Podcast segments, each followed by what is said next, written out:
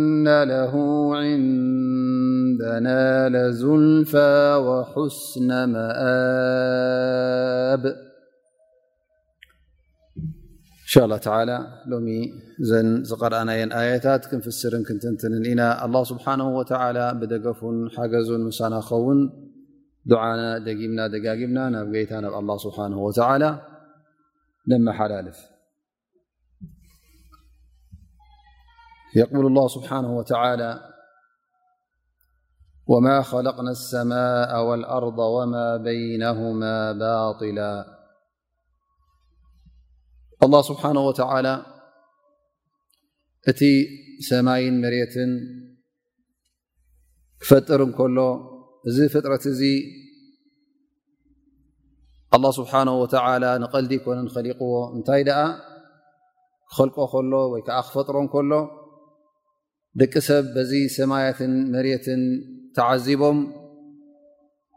ንጎይታ ንኣላ ስብሓን ወተላ ከምልኹ እቲ ናይ ኣላ ስብሓን ወተላ ተኣምርን ናይ ኣላ ስብሓን ወተላ ኣያት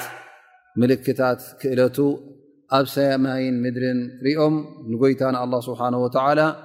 እቲ ዝግብኦ ኣምልኾት ምእንቲ ንክህብዎ እዩ ኣላ ስብሓን ወተላ ኸሊቕዎ ማለት እዩ ስለዚ እዛ ዱንያ እዚኣ ብኩላ ተፈጢራን ተኸሊቃን ዘላ ኣላ ስብሓን ወተላ ስቁኢልካ ንቐልዲ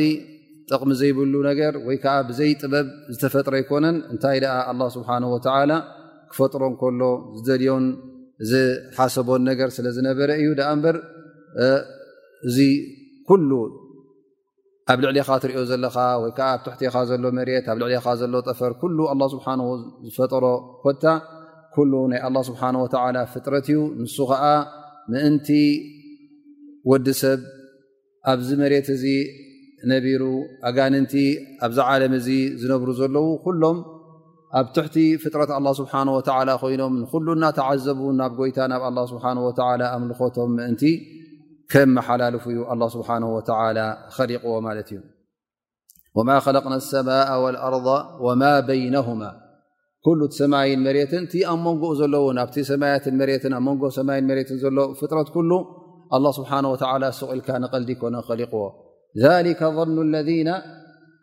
ከፈሩ መን እዩ እቲ እዚ ነገር እዚ ብወዝቢኡ ተኸሊቑ ወይ ከዓ ከምዚ ኢሉ እዩ ተረቡ ተረኪቡ ዘሎ ከዓ መጨረሻ የብሉን ኢሉ ከምዚ ዓይነት እዚ እምነት ዘለዎ እቲ ክሓዲ እቲ ዘይኣምን ማለት እዩ እቲ ብኣላ ስብሓን ወተላ ዝኣምን ግን ኣላ ስብሓን ወተላ ሰማይን መሬትን ከም ዝኸለቀ ነቲ ኣብ መንጎ ሰማያትን መሬትን ዘሎ ፍጡር እውን ኣላ ስብሓን ወተላ ከምዝፈጠሮ ኣሚኑ ኣራን ዮምልቅያማን ከም ዘሎ እውን ይኣምን ማለት እዩ እቲ ኸሓደ ግን እዛ ኣዱንያ ጥራያ መንበሪትና ክሳዕ ንመውት ክንነብረላ ኢና ብድሕሪኣ ከዓ ህወት ዝበሃል የለ ዓለም ካልእ ሓድሽ ዓለም እውን የለን ኢሉ እዩ በቲ ፍጥረት ኣላ ስብሓን ወተላ ዝኽሕድ ቃል ሊከ ظኑ ለذነ ከፈሩ ظን ሁና ብማዕና ልማን ወልየን ሃؤላ ለذ ከፈሩ እቶም ክሓድቲ ነዚ ነገር እዚ ኣይኣምንሉን እዮም እንታይ ደኣ ዮም ኣልቅያማ ዝበሃል የለን ስለ ዝብሉ ኣኼራ ብኡ ስለ ዘይኣምኑ ነዚ ዓለም እዚ ከም ምንታይ እዮም ዝወስድዎ ማለት እዩ ከምዚ ወዲ ሰብ ይኹን ዝኾነ ይኹን ፍጡር ይነብር ክሳዕ ዕድሚኡ ዝኣኸለ ምስ ሞተ ከዓ ኸላስ ብድሕሪኡ ሕሳብ ዝበሃል የለ ፀብፃብ ዝበሃል የለ እዮም ዝብሉ ማለት እዩ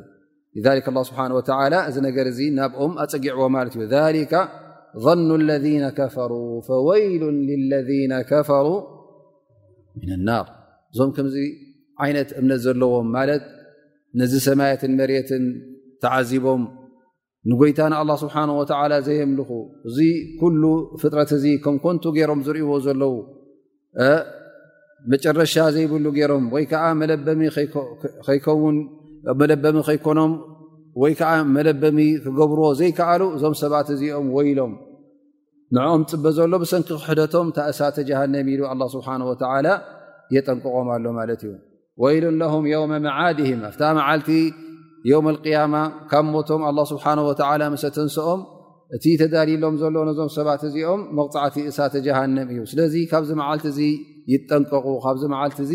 ክፈርሁ ኣለዎም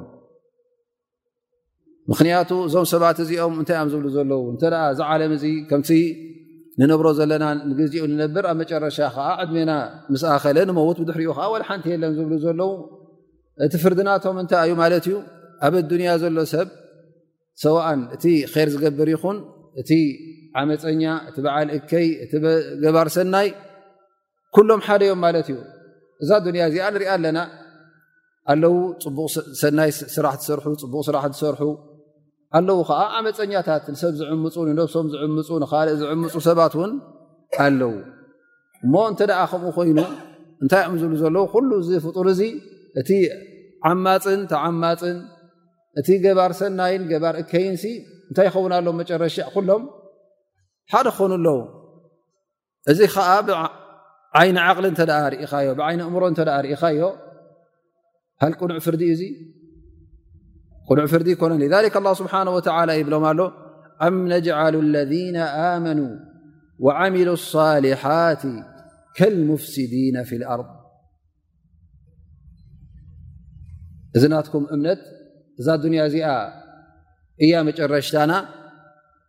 መዓልቲ ናይ ፀብፃብ የለን ትብሉ ዘለኹም ልክዕ እንታይ ኹም ትብሉ ዘለኹም እቶም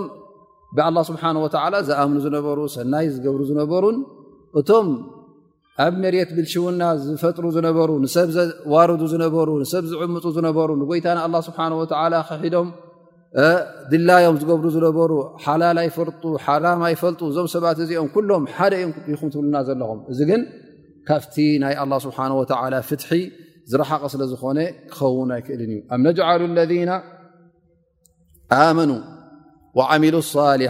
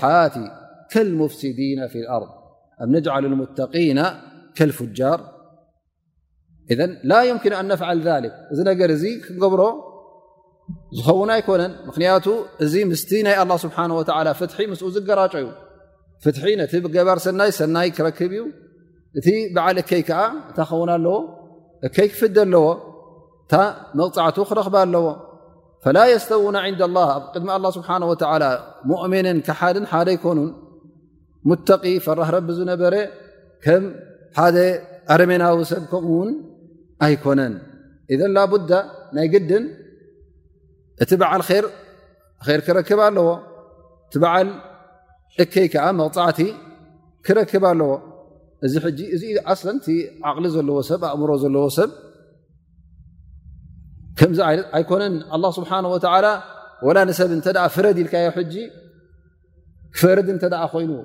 ሃል ንገባር ሰናይን በዓል ርን በዓል እከይን ንክልኦም ሓደ ፍርዲ ሂቦም ሃል ትቕበሎ ስኻ ነብስኻ ስኻ ፅቡቅ ትገብር ርካ ሓደ ከዓ በዓል እከይ ክልኹም ሓደ ኹም ክትበሃል ከለካ እንታይ ዓይነት ትስምዓካ ማለት እዩ እዚ ስኻ ወዲ ሰብ ከለካ ዘይተቐበልካዮ ቅኑዕ ጌርካ ዘይወሰድካዮ ከመይ ጌርካ ስብሓ ወተላ ንኹሎም ሓደ እዩ ዝገብሮም ንገባር እከይን ገባር ሰናይን ነቲ ሙእምን ነቲ ኸሓዲ ንክልቲኦም መጨረሽትኦም እዛ ዱንያ እዚኣ ያ ድሕሪኡ ፀብፃብ የለን ዮም ቅያማ የለን መዓልቲ ኣራ የለን ኢልካ ክትክሕት ከለኻ እዚ ኢኻ ትብል ዘለኻ ማለት እዩ ፈከይፈ ሊልሚ ኣን የኩነ ከልመሉም ዓማፅን ተዓማፅንሲ ክልቲኦም ከመይ ጌርና ሓደ መስዕ ነትሕዞም ወይ ከዓ ሓደ ፍርዲ ንፈርዶም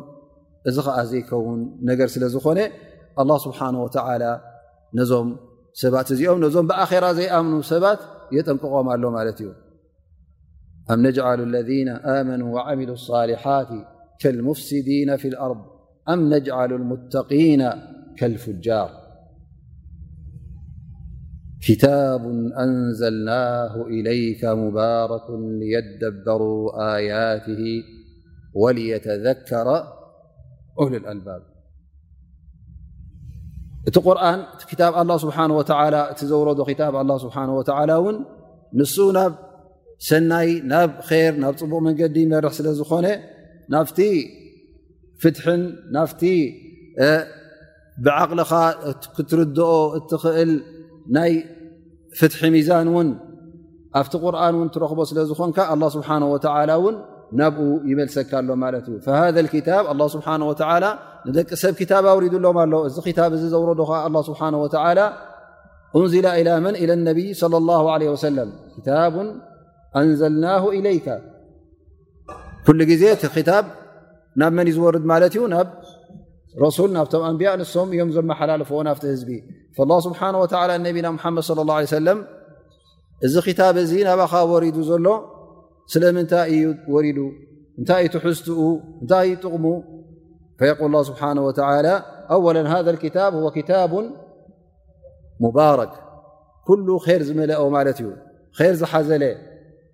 በረካ ዘለዎ ኣብ ኩሉ ነገራት በረክኡ ፈህወ ሽፋء ልናስ ንደቂ ሰብ ካብቲ ናይ ክሕደት ሕማም ኣውፅኡ ናብቲ ጥዕና ናይ ኢማን የመሓላልፎም ካብ ፀላም ናብ ብርሃን የመሓላልፎም ፈይዘ እዚ ክታብ እዚ ካብቲ ጥፍኣት ናፍቲ ብርሃን መንገዲ ን ናፍቲ ቕኑዕ መንገዲ እውን ይወስደካ ማለት እዩ ፈዘ ሃذ ክታብ ኩል ኸይር ፈወ ሙባረክ ክትቀርኦ ከለኻ በረካ ዘለዎ ብኡ ክትሰርሐ ከለኻ በቲ ኣብኡ ዝወረደ ሸሪዓ እውን በረካ ትረክበሉ ኣብ ህየትካ ን ተኸትልካ እተ ከትካ ውን ኣብ መጨረሻ እዚ ዘይበሃል ፃማ ኣብ ዮም ያማ ውን ክትረክብ ኢኻ ስለዚ እዚ ክታብ እዚ ሒዝካ ክትከይድ ከለኻ ካብቲ በረካ ና ክትወስድ ኢኻ ማለት እዩ ስብሓ ወሰፈ ሃ ክታብ ብኣነ ሙባረክ እሱ ሙባረክ ኣ ስብሓ ወ ሙባረክ ኢሉ ክገልፆ ከሎ በረካ ዘለዎ ክብለና ከሎ ካብኡ ክንረሕቕ የብልናን ኩለማ ዓዳ ዝኾነ ይኹን ካልእ ክታብ ክታብ ረቢ ገዲፍካ እተ ከድካ እንታይ ክትስእን ኢኻ ማለት እዩ እቲ በረካ ኣይ ክትረኽቦን ኢኻ ፈልበረከቱ ኣይና ኣበይያ ዘላታ በረካ ኣብቲ ኣላ ስብሓን ወተላ ዝበለካን ዝኣዘዘካን ኣብቲ ኣላ ስብሓን ወተላ ዘውረዶ ቃላት ኣብኡ ኢኻ ትረኽቦ ማለት እዩ ሃذ ክታብ ለذ ንዝል እንዝላ ማذ ንምንታይ እዩ ቃል ልየደበሩ ኣያት ኣያታት ኣብኡ ዘሎ እታይ ክትገብሮ ኣለካ ማለት እዩ ተደቡር ተፅንዖ ኣለካ ክትርድኦ ኣለካ ምክንያቱ እዚ ቁርን እዚ ጥራይ ንክትቀርኦ ሌለ ክትብሎ ኣይኮነን ማለት እዩ እወቲ ምቕራእ ንገዛእ ርእሱ ኣጅር ኣለዎ ክትቀረእ ኣለካ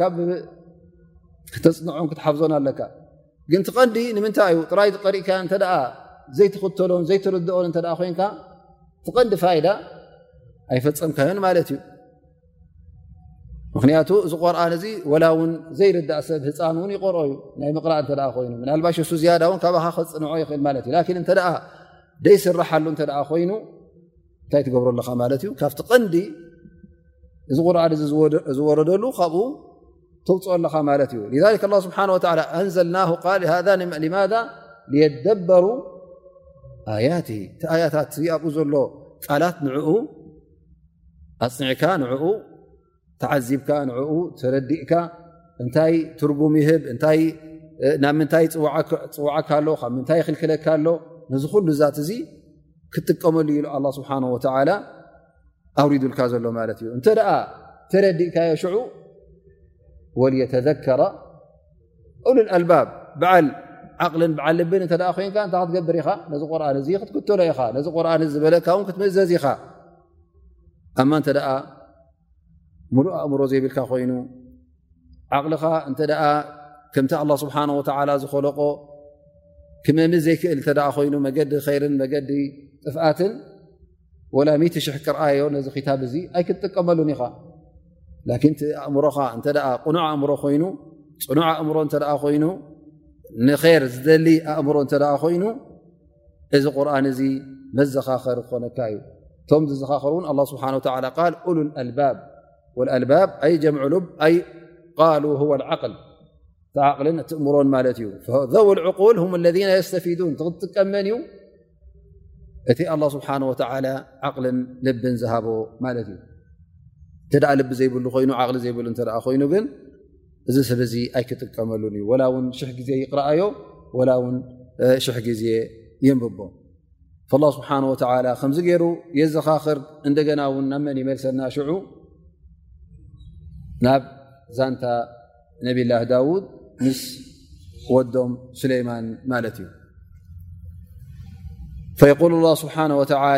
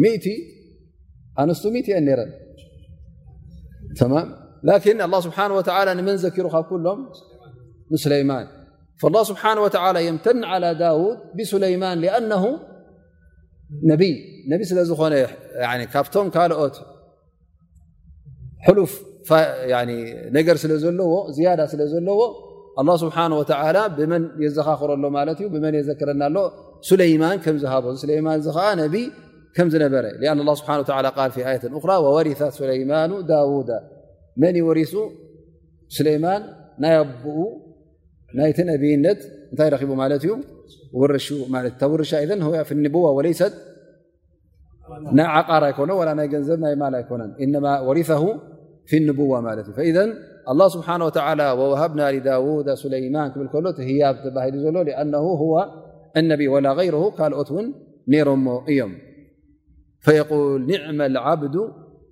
إنه أواب من هو نعمة العبد داود ولا سليمان أفآيت سليمان لأنه هو سليمان لأنه أقرب مذكور رلننملسالت فنعم العبد أي هذا ثناء وسان موسمالت من ንሱለይማን ኣነ ከሩ ጣ ኒዕመ ዓብዱ እነ ኣዋብ ኢላ ላ ስብሓ ወ ብዙ ኢናባ ናብ ኣ ስብሓ ወ ተመላሲ ስለ ዝኾነ ምሕረት ዝሓትት ባዳ ዝገብር ስለ ዝኾነ ኣ ስብሓ ወ በዚ ሰናይ ተግባር ውን ይዝክሮን ይውድሱን ኣሎ ማለት እዩ ካብቲ ዘጓነፎ ንስለይማን ለ ሰላም እውን እነ ኣ ስብሓ ወ እንታይ ዓይነት መርገፅ ከም ዝነበሮ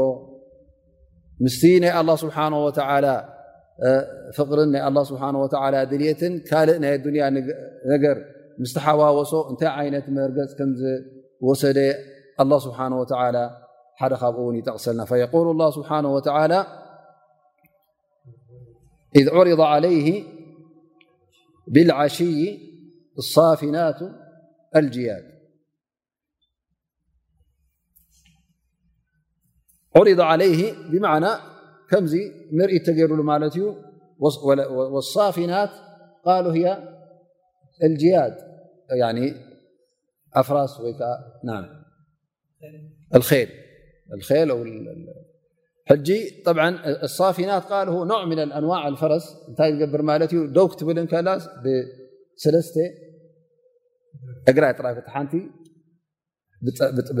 ብጠረፍ እግራ ወይ ከዓ ብወሰን ቲ ፅፍራ ጥራይ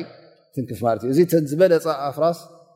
ከምኡ ገብራ ማለት ፈይደን ተ ላ ስብሓን ወተላ ከምዝኣመሰለ ኣብ ቅድሚኡ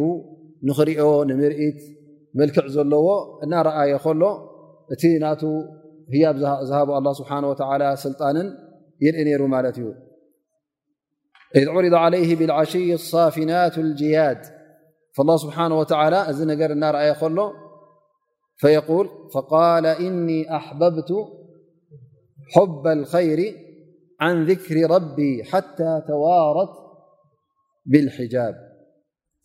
እዚ ነገር እዚ እናረኣየ ከሎ እቲ ግዜ ኣብ ምንታይ ሓሊፉ ማለት እዩ ኣብዚ ናይ ኣዱንያ ሽሻይ ኣላ ስብሓን ወተላ ዝሃቦ ኣብዚ ኒዕማ እዚ ኣብኡ ግዜኡ ኣሕሊፉ ማለት እዩ ክሳዕ መዓስ ክሳዕታ ፀሓይ ተዓርብ ግዜ ሓሊፉ ግዜ እዋን ናይ ሰላት ውን ኣሊፉ ስለዚ እዚ ምስ ተረኸበ እንታይ ገይሩ ማለት እዩ ቃል እኒ ኣሕበብቱ ሑበ ልከይሪ ዓን ذክሪ ረቢ ሓታ ተዋረት ብልሕጃብ ሕጂ እዚ ታይ ትሓስቡ ማለት እዩ ዘንጊዑ ከም ጉቡእ ቀዳምነት ንምንታይ ክህብ ነርዎ ማለት እዩ ነቲ ዕባዳ ዩ ክህብ ነርዎ ማለት እዩ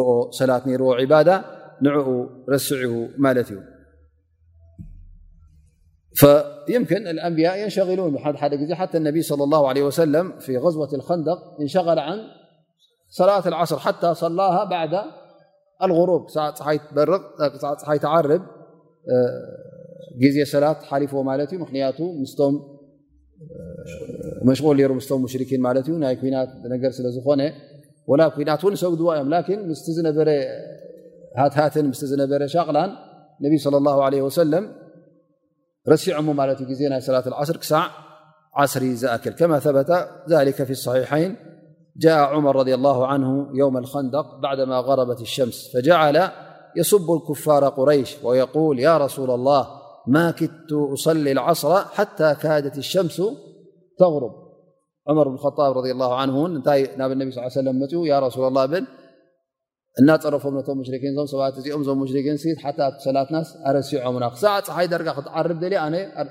ዓስሪ ከይሰገድኩ ኢሉ ነቢ ስለ ላ ለ ሰለም ተዛሪቦም ማለት እዩ ፈቃል ረሱሉ ላ ስ ሰለም ወላሂ ማ ሰለይቱሃ ኣነ እውን ከማኻ ክሳዕ ሕጂ ኣይሰገድኩዋን ፈቃለ ፈቁምና ኢላ ብጥሓን ፈተወደኣ ነብዩ ላ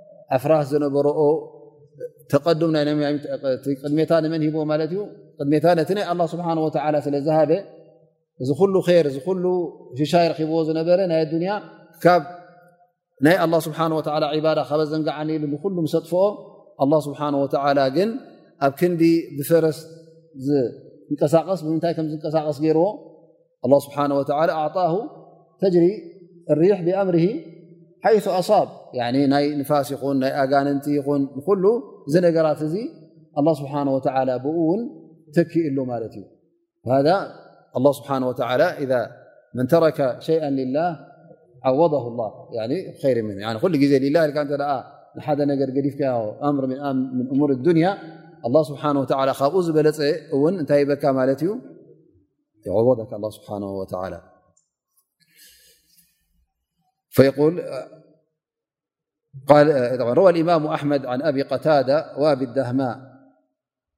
وقال كان يكثران السفر نحو البيت قالا أتينا على رجل من أهل البادية فقال لنا البدوي أخذ بيدي رسول الله صلى الله عليه وسلم فجعل يعلمني مما علمه الله عز وجل وقال إنك لا تدع شيئا اتقاء الله تعالى إلا أعطاك الله عز وجل ዝ ኩሉ ግዜ ኣላ ስብሓን ወላ ኣብዚ ሓዲስ እዚ እውን ነቢና ሓመድ ስ ሰለም ንሓደ ሰብኣይ ዝሃቦ ነሲሓ ወይ ከዓ ሓደራ ይብሎ ኣንታ ሰብኣይ ዝኾነ ይኹን ሊላ ኢልካ እንተ ገዲፍካዮ ኣብሽር ኢላ ኣዕጣካ ላ ዘ ወጀል ኸይረ ም ካብኡ ዝበለፀን ካብኡ ዝሓሸን እውን ክህበካ እዩ ኢሎሞ ነቢይ ለ ላ ለ ወሰለም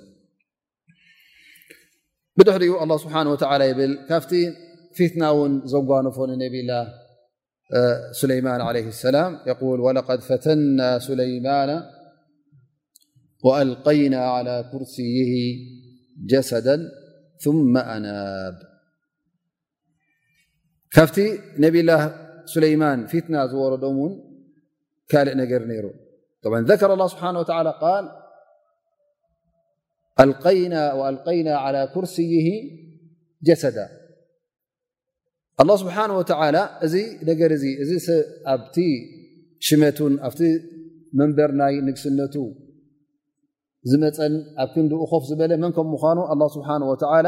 ኣይነገርና ዋያት እስራኤል ኣሎ ታሪክ ናይ በኒ እስራኤል ገለ እብ ሓደ ካብቶም ኣጋንንቲ ወይከዓ ከም ሸይጣን ገለ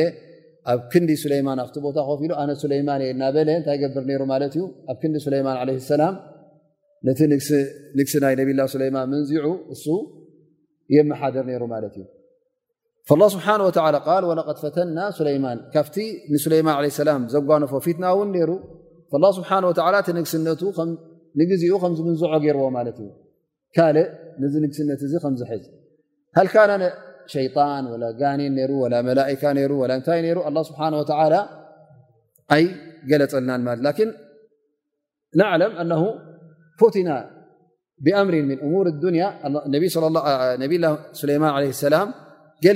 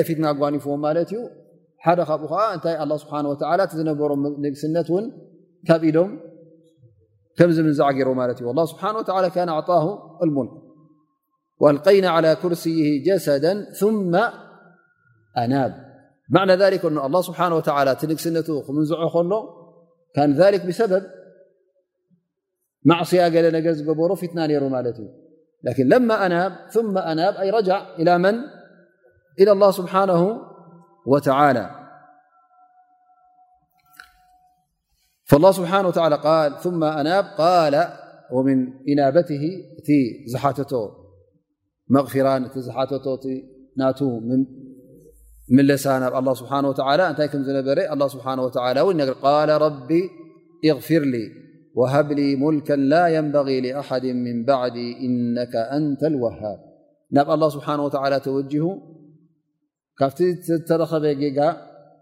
መቕፊራ ሓቲቱ ናብ ኣላ ስብሓን ወተላ እውን ተመሊሱ ተመሊሱ ከዓ እንታይ ጠሊቡ ማለት እዩ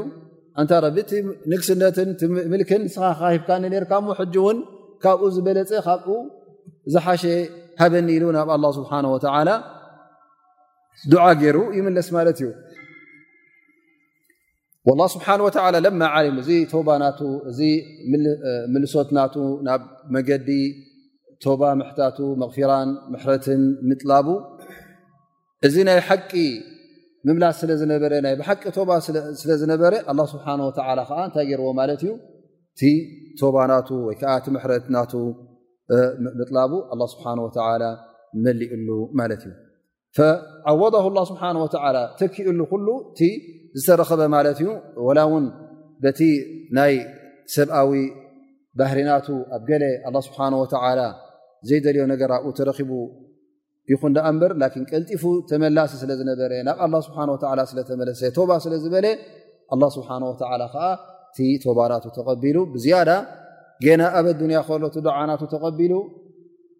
ካብኡ ንላዕሊ ምልኪ እውን መሊእሉ ማለት እዩ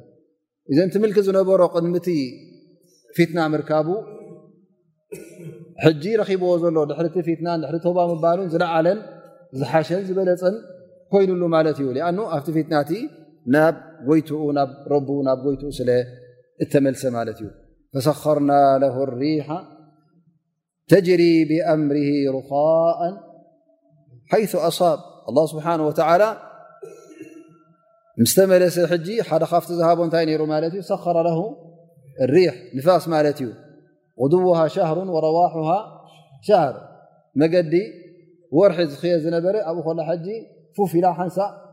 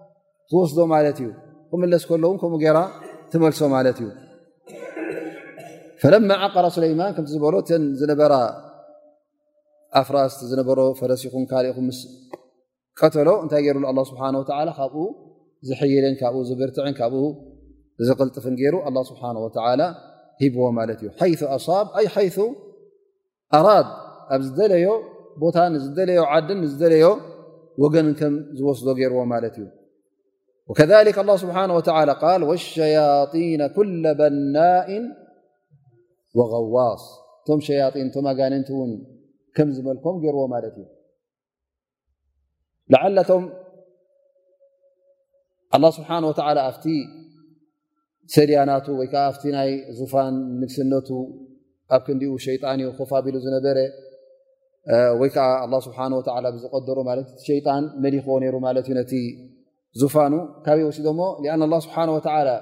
ባዕደማ ታብ ዓወض ብኣነ ወ ለذ የምልኩ ነቶም ሸያጢን ከም ዝመልኮም ገይርዎ ማለት እዩ ፈዘ እሱ ሕጂ እቲ ንግስነት ኣሕዲጎ ዝነበረ ሕጂ ከምቲ ዝበለፀ ካብተን ኣፍራስን ዝሃቦ ናይ ንፋስ ሕጂ እውን እቲ ምልክናቱ እንታይ ኮይኑ ማለት እዩ ካብቲ ዝነበረ ነቲ ሸይጣን ከም ዝመልኮ እውን ገይርዎ ማለት እዩ ወሸያጢና ኩለ በናእን ወቀዋስ ኩሎም ክነጥቀሉ እንተ ደልዩ ይነጥቅሉ ማለት እዩ ገዛውቲ ይኹን ብብዓይነቱ ዝስራሕ ነገር ዝፅረብ እምኒ ይኹን ከምኡ ውን እቲ ኣብቲ ግዜ እቲ ዝሰርሕዎ ዝነበሩ ኣላ ስብሓን ወተላ ከምዝጠቐሰልና ወቁዱር ራስያት ዩ ማለት እቲ ድስታት ዝስራሕ ዝነበረ ዘይንቀሳቐስ ማለት እዩ ካብቲ ቦትኡ ክንቀሳቐስ ዘይኽእል ድስቲ ብምዕባዩ ማለት እዩ ብምግጃፉ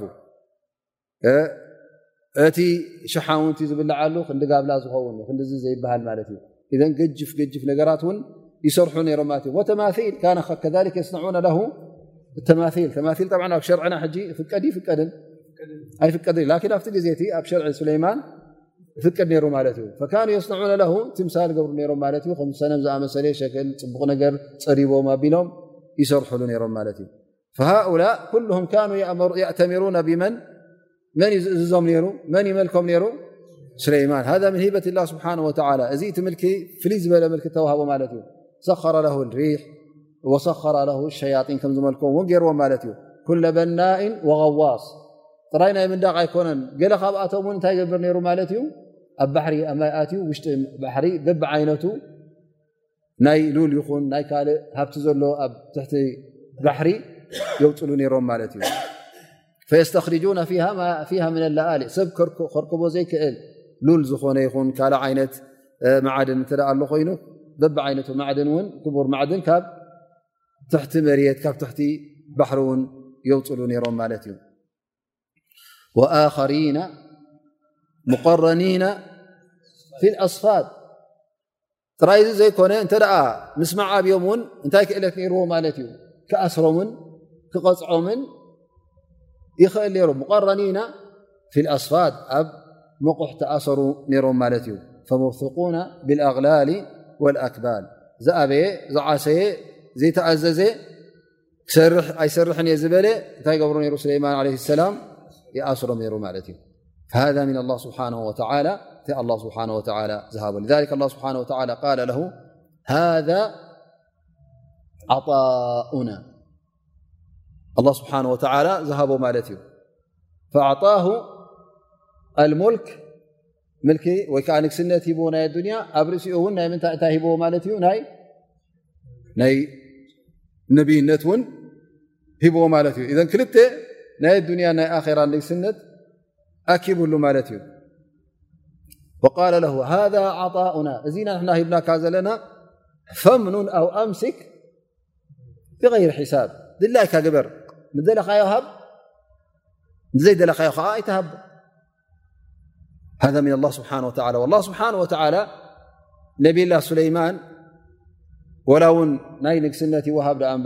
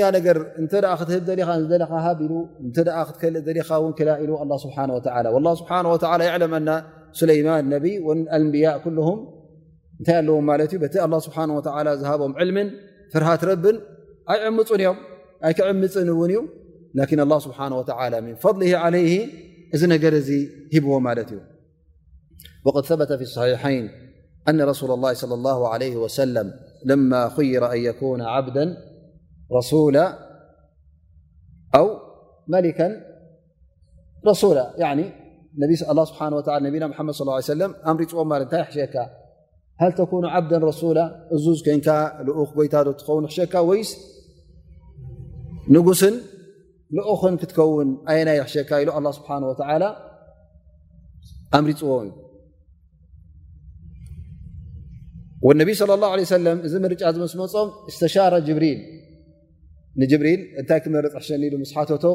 ኣሻረ ኢለይ ኣን ተዋضዕ ትሕትና ዘለዎ ደኣ ጥለብ ኢኻ ኢልዎ ማለት እዩ ፈጠለበ ኣን የኩነ ዓብደ ረሱላ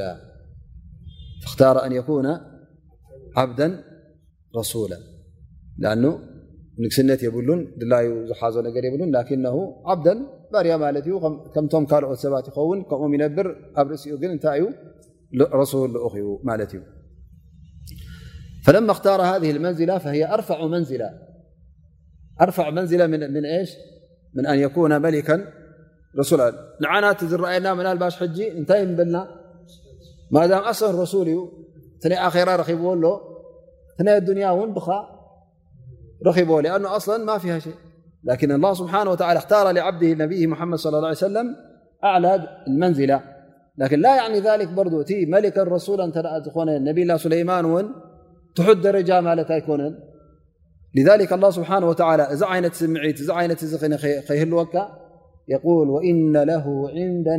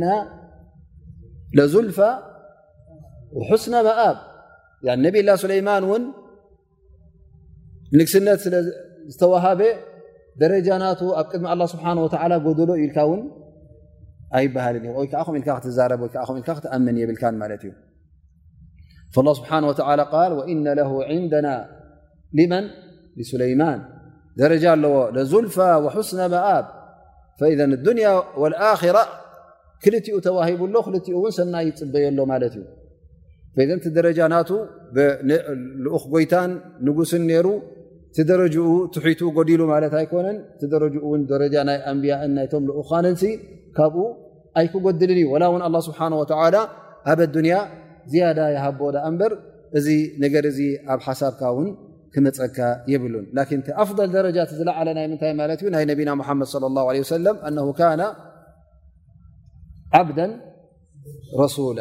ዓብደ ረሱላ ስለ ዝነበረት ደረጃ ናይ ነቢና ሓመድ ስ ሰለም ካብቶም ኩሎም ኣንብያ ዝበለፀን ዝለዓለን ስለ ዝኾነ ምርጫ ተዋሂቡ ክንክመርፅ እውን እነቢ ስለ ላ ለ ሰለም ናይ ኣራ ጥራይ ስለ ዝመፀ ኣንየኮነ ዓብደ ረሱላ ስብሓን ወላ እውን ዝያዳ ብልፀት ገይርሉ ማለት እዩ ሸክ ኣስዑዲ ራማ ላ ዛንታ ናይ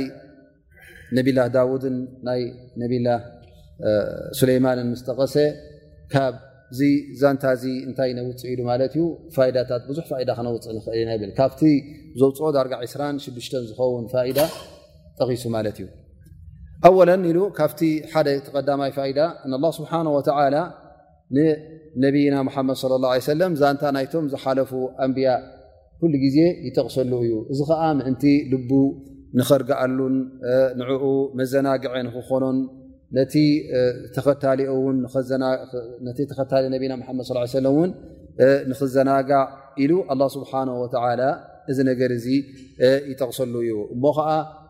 እቲ ሰብርን ትዕግስትን ናይቶም ቀዳሚ ክጠቕሰሉ ከሎ ን ሰብሪ ክገብር ትዕግስቲ ክገብር ከም ዘለዎ ኣብ መጨረሻ እውን ኣ ስብሓን ወተላ ክዐውቶ ከም ምኳኑ ከምዚ ገይሩ ኣ ስብሓን ወተላ ከም ኣብተላ ዓብደ ዳውድ ዓብደ ሱለይማን ኣብ እብትላ ኣብ ፈተና ውዲቕዎም እዩ ላኪን ትዕግስቲ ስለ ዘገበሩ ቶባ ስለ ዝበሩ ናብ ኣ ስብሓ ስለተመለሱ ኣብ መጨረሻ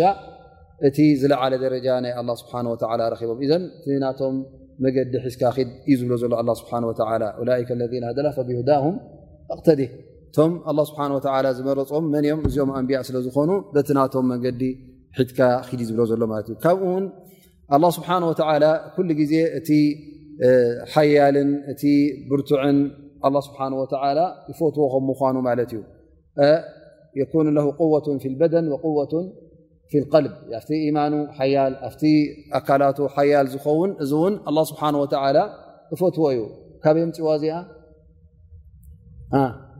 ኣብታ ናይ ዓብደና ዳውድ እንታይ ኢሎ ገሊፅዎ ኣነቢ ኣላ ስብሓን ወተዓላ ዘል ኣይድ ዘል ኣይድ ኢሉ እበረ በዓል ሓይሊ ሓያል ዝነበረ ኢሉ ገሊፅዎ ማለት እዩ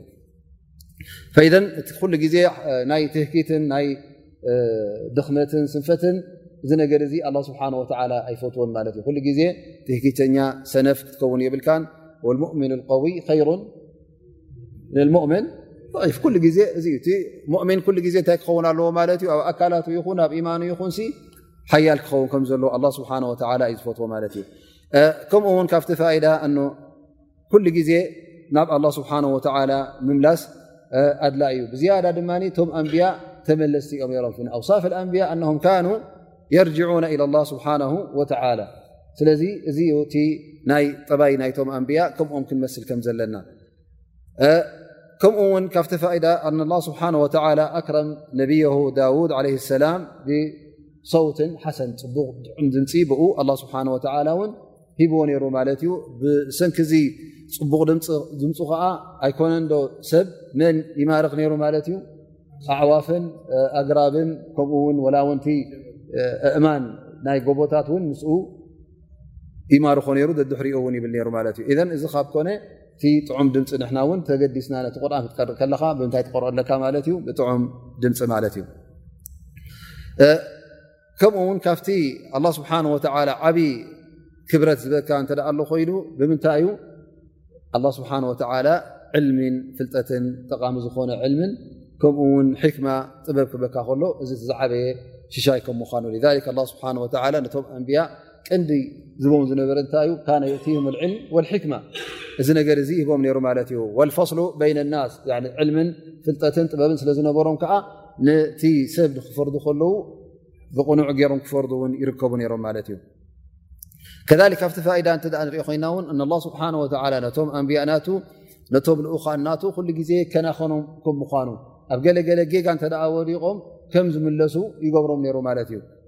ናብ ምንታይ ናብቲ ዝበለፀን ናብቲ ዝለዓለ ደረጃን ከም ዝምለሱ ይገብሮም ነይሩ ድሕሪኡ እውን ደረጃኦም ድሕሪ ዝፈተና እዚ እውን እንታይ ገብሮም ነይሩ ማለት እዩ ደረጃኦም እውን ዝለዓለ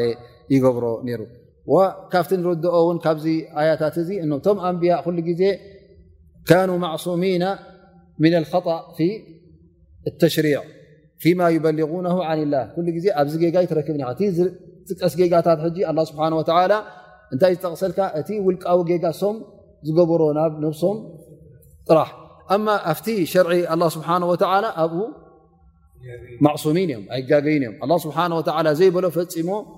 ኢልዎ ኣይብሉን እዮም ኣ ስብሓ ላ ዘይሸርዖ ሸሪዕኩም ኢሎም ኣይዛረቡን እዮም እማ እቲ ዝርከብ ዝነበረ ካብኣቶም እንታይ ማለት እዩ እቲ ውልቃዊ ጌጋ ኸውን ማለት እዩ ላ ስብሓ ሓታ እዚ እውን ኣብኡ ከምዘይቅፁ ዩ ዝገብሮም ሩ ቀልጢፎም ከም ዝምለሱ ይገብሮም ነይሩ ማለት እዩ ከ ምን ፈዋድ ነብላ ዳውድ ለ ሰላም መብዝሕትኡ እዋኑ ኣብ ምንታይ የሕልፎ ነይሩ ማለት እዩ ኣብቲ ዒባዳ ኣብቲ ምሕራብ የሕልፈኹም ዝነበረ ክ እዞም ዝመፅዎ ኣብ ምንታይ ረኪቦዎ ማለት እዩ ኣብቲ ምሕራብ እቲ ዘሕልፎ ዝነበረ ግዜ ቀሊል ከምዘይነበረ ነዊሕ ግዜ ከምዝነበረ ንፈልጦ ማለት እዩ ካና የክሉ ብረቢ ወያዕቡድ ላ ስብሓ ወላ ካብቲ ፋይዳ እውን ዝጠቀሶ የንበ ኩሉ ግዜ ኣብ ቤተ መንግስቲ ክትኣቱ ከለካ ኣብ ፈራዳይ ኮይኑ ገለ ክትመፅእ ከለካ ኣብቶም ዝፍርዱ ክትመፅእ ከለካ ኩሉ ግዜ እንታይ ክትገብር ኣለካ ማለት እዩ እሕትራም ክትኣቱ ለካ ኣ በር በቲ ኣፍ ደገ ክትኣ ለካ ኣ በር ዘልልካ ከምዞም ዮም ሰባት እዚኦም ምዘለሉ እንታይ ገይሮም ማለት እዩ ንነብላ ዳውድ ኣፍሪሆሞ ማለት እዩ እንታይ ተረኪቡ ኢሉ ሰንቢዱ ኣሰንቢዶሞ ማለት እዩ ስለዚ እስኻ ውን ከተሰንብድ የብልካ እዚ ነገር እ እውን ዓኑ ነቢ ፈፈዚ ዓሚንም ፈማባሉ እስኻ ውን እተ ከምኡ ዘይገበርካ በቲ ቁኑዕ ባብ እተ ዘይኣተኻ ወይከዓ በቲ ስነስርዓት እተ ዘይከትካ እንታይ ክትገብር ኢኻ ማለት እዩ ካብቲ ሕጊ ክትወፅእ ኣለኻ ማለት እዩ ካብቲ ዝጠቀሶ ውን እ እቲ ዝፍረድ ዘሎ እቲ ፍርዲ ዝሓትት ሰብ እንተ ገለ ናይ ስነ ስርዓት ጉደት ኣለዎ እሞ በዚ ስነ ስርዓት ዘይገበርካ የልካ ንዕኡ ክትዕምፆ የብልካ ኣ ዳውድ ስለምንታይ ዘሊልኩም ስለምንታይ ከምዝገርኩም ኢሉ እንታይ ገበሮም ውን ኣይ ሃደዶም ኣይፀረፎምን ወላ ውን ኣብቲ ፍርዲ እውን ካልእ ፍርዲ እውን ኣይፈረዶምን ዓመፅ ዘለዎ ፍርዲ እውን ኣይፈረዶምን ማለት እዩ ስለዚ ወላ ውን ብዘይ ስትእዛን ብዘይ ገለ ተኣተወ ተጋጊኻ ይካልካ እንታይ ክትገብሮ ንዕኡ ኣብቲ ፍርዲ ክትዕምፆ የብልካን ማለት እዩ ከሊክ እ ተዓመፀ ሰብ ተዓሚፀ እዚ ፍላን ዓሚፁኒ ንኽብል ይፍቀዶ ማለት እዩ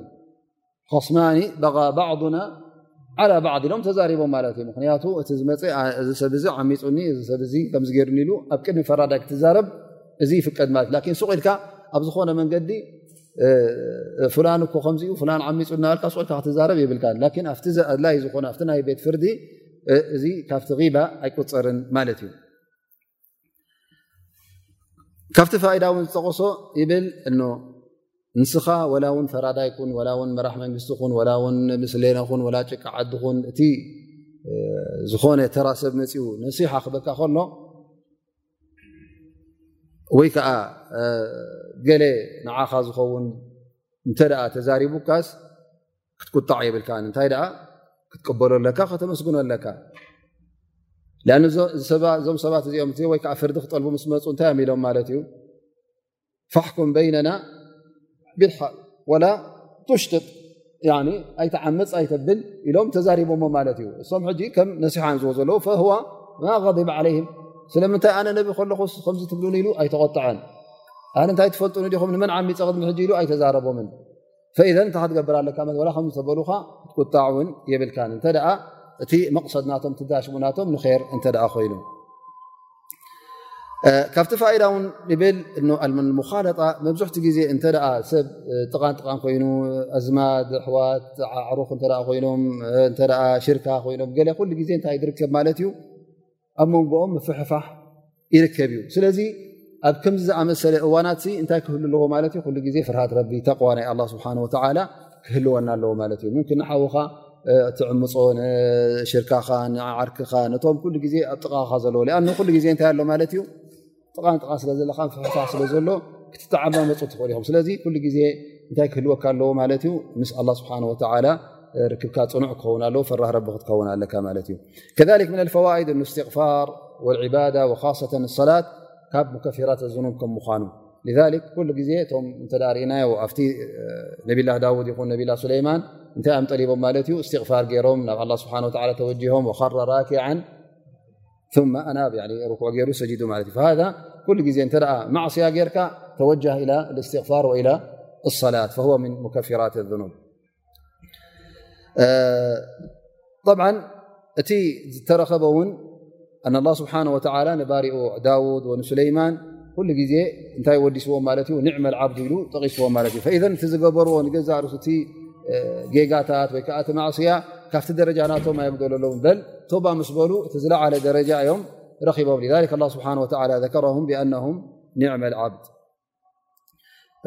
ከምኡ ውን ኢሉ እቲ ፍርዲ ደቂ ሰብ ክትፈርድ እዚ ሓደ ደረጃ ናይ ክብሪ ናይ ዲን ስለ ዝኾነ ነዚ ደረጃ እዚ ክትግደሰሉ ኣለካ ማለት እዩ ነዚ ደረጃ እዚ ዝገብሩ ከዓ ዕልሚ የድልዮም ዕልሚ ሸሪዓ ናይ ሸሪዓ ፈላጢ ክኸውን ኣለዎ ከምኡውን ናይታ ክፈርዳ ሓሲቡ ዘሎ ጉዳይ ንዓ ውን ዝፈልጥ ክኸውን ኣለዎ ከመይ ገይሩ ከዓ ነዛ ነገር እዚኣ ኣብ ሸርዒ ከም ዝረኽባ ውን ክፈልጥ ኣለዎ ዝኾነ ይኹን ጃህል ክፈርድ ውን ኣይክእልን ማለት እዩ እንሻ ላ ድሕሪእዛ ንምልእ ባረከ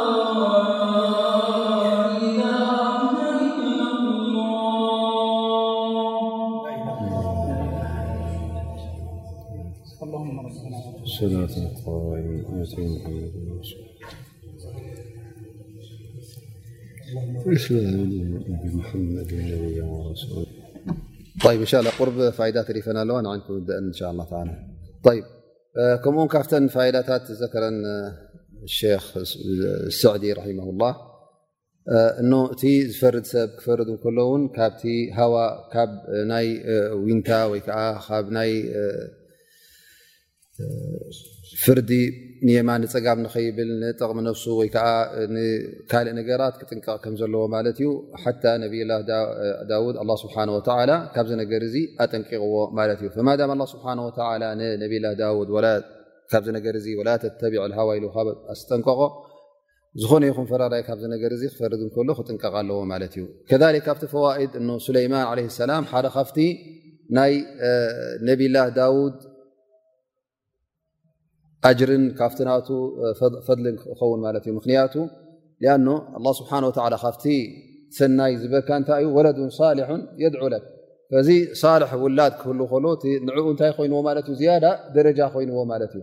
ዝያዳ ፋይዳን ደረጃን ረኪብሉ ማለት እዩ ላ ስብሓ ወላ ኣፍና ዓላ ሱለይማን ኒዕመ ዓብዱ እነ ኣዋቢሉ ደረጃ ናቱ ልዑል ከም ምኳኑ ባርነቱ ን ስብሓ ወ ሙሉእ ከም ምኳኑ ጠቂስዎ ማለት እዩ ከምኡ ውን ሓደ ካብቲ ፋይዳ ወይ ከዓ ካብቲ ፋይዳታት ዝጥቀስ እውን ንላ ስብሓ ወ ትፈሊ ናቱ ተኸይር ናቱ ንባሮት እውን እዚ ዘይበሃል መወዳእታ ዘይብሉ ከም ምኳኑ መዓኑ ኣላ ስብሓን ወተላ እቲ ሰናይ ምግባርን ናብ ር ህዳያ ናቱ እንከሎ ናብዚ ነገር እዚ ንሱ ሃዲ እኳ እንከሎ ኣብ መጨረሻ እንታይ ገብረልካ ማለት እዩ ንዓኻ ይውድሰካን ብፅቡቕ ይዝክረካን ማለት እዩ ነብይነት ይኹን እቲ ንሰናይ ነገር ዝገብሮ ዝነበረ ነብላ ዳውድ ይኹን ነብላ ሱለይማን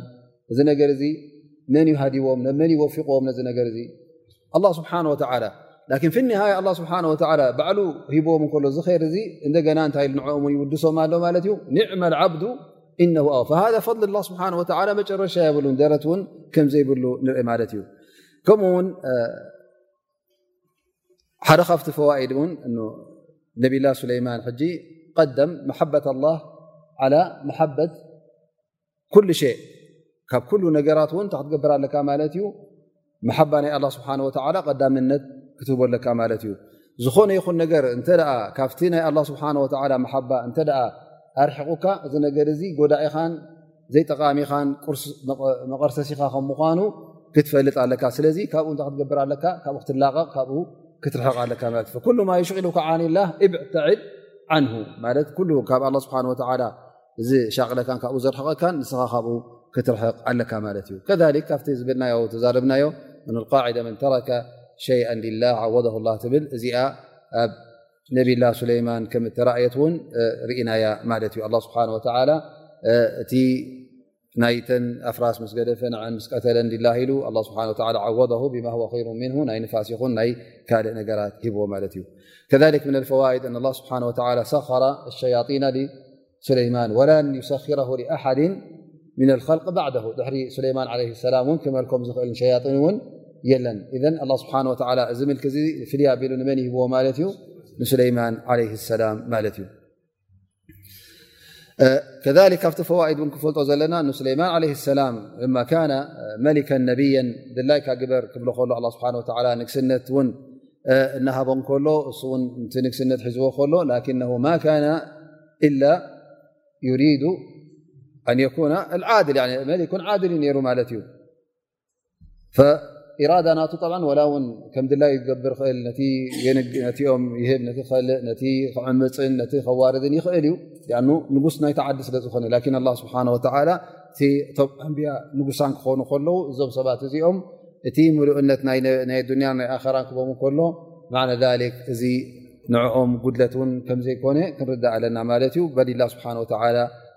ብፈድሉ እዩ ገርሎም ማለት እዩ ኣነ ላ ዩሪዱ ኢላ ዓድል እቲ ስራሕ ናቶም ኩሉ ግዜ እንታይ እዩ ኣንብያ ስለ ዝኾኑ ፍትሒ ዘለዎ ንግስነት ፍትሒ ዘለዎ ፍርዲ ኦም ክፈርዱ ማለት እዩ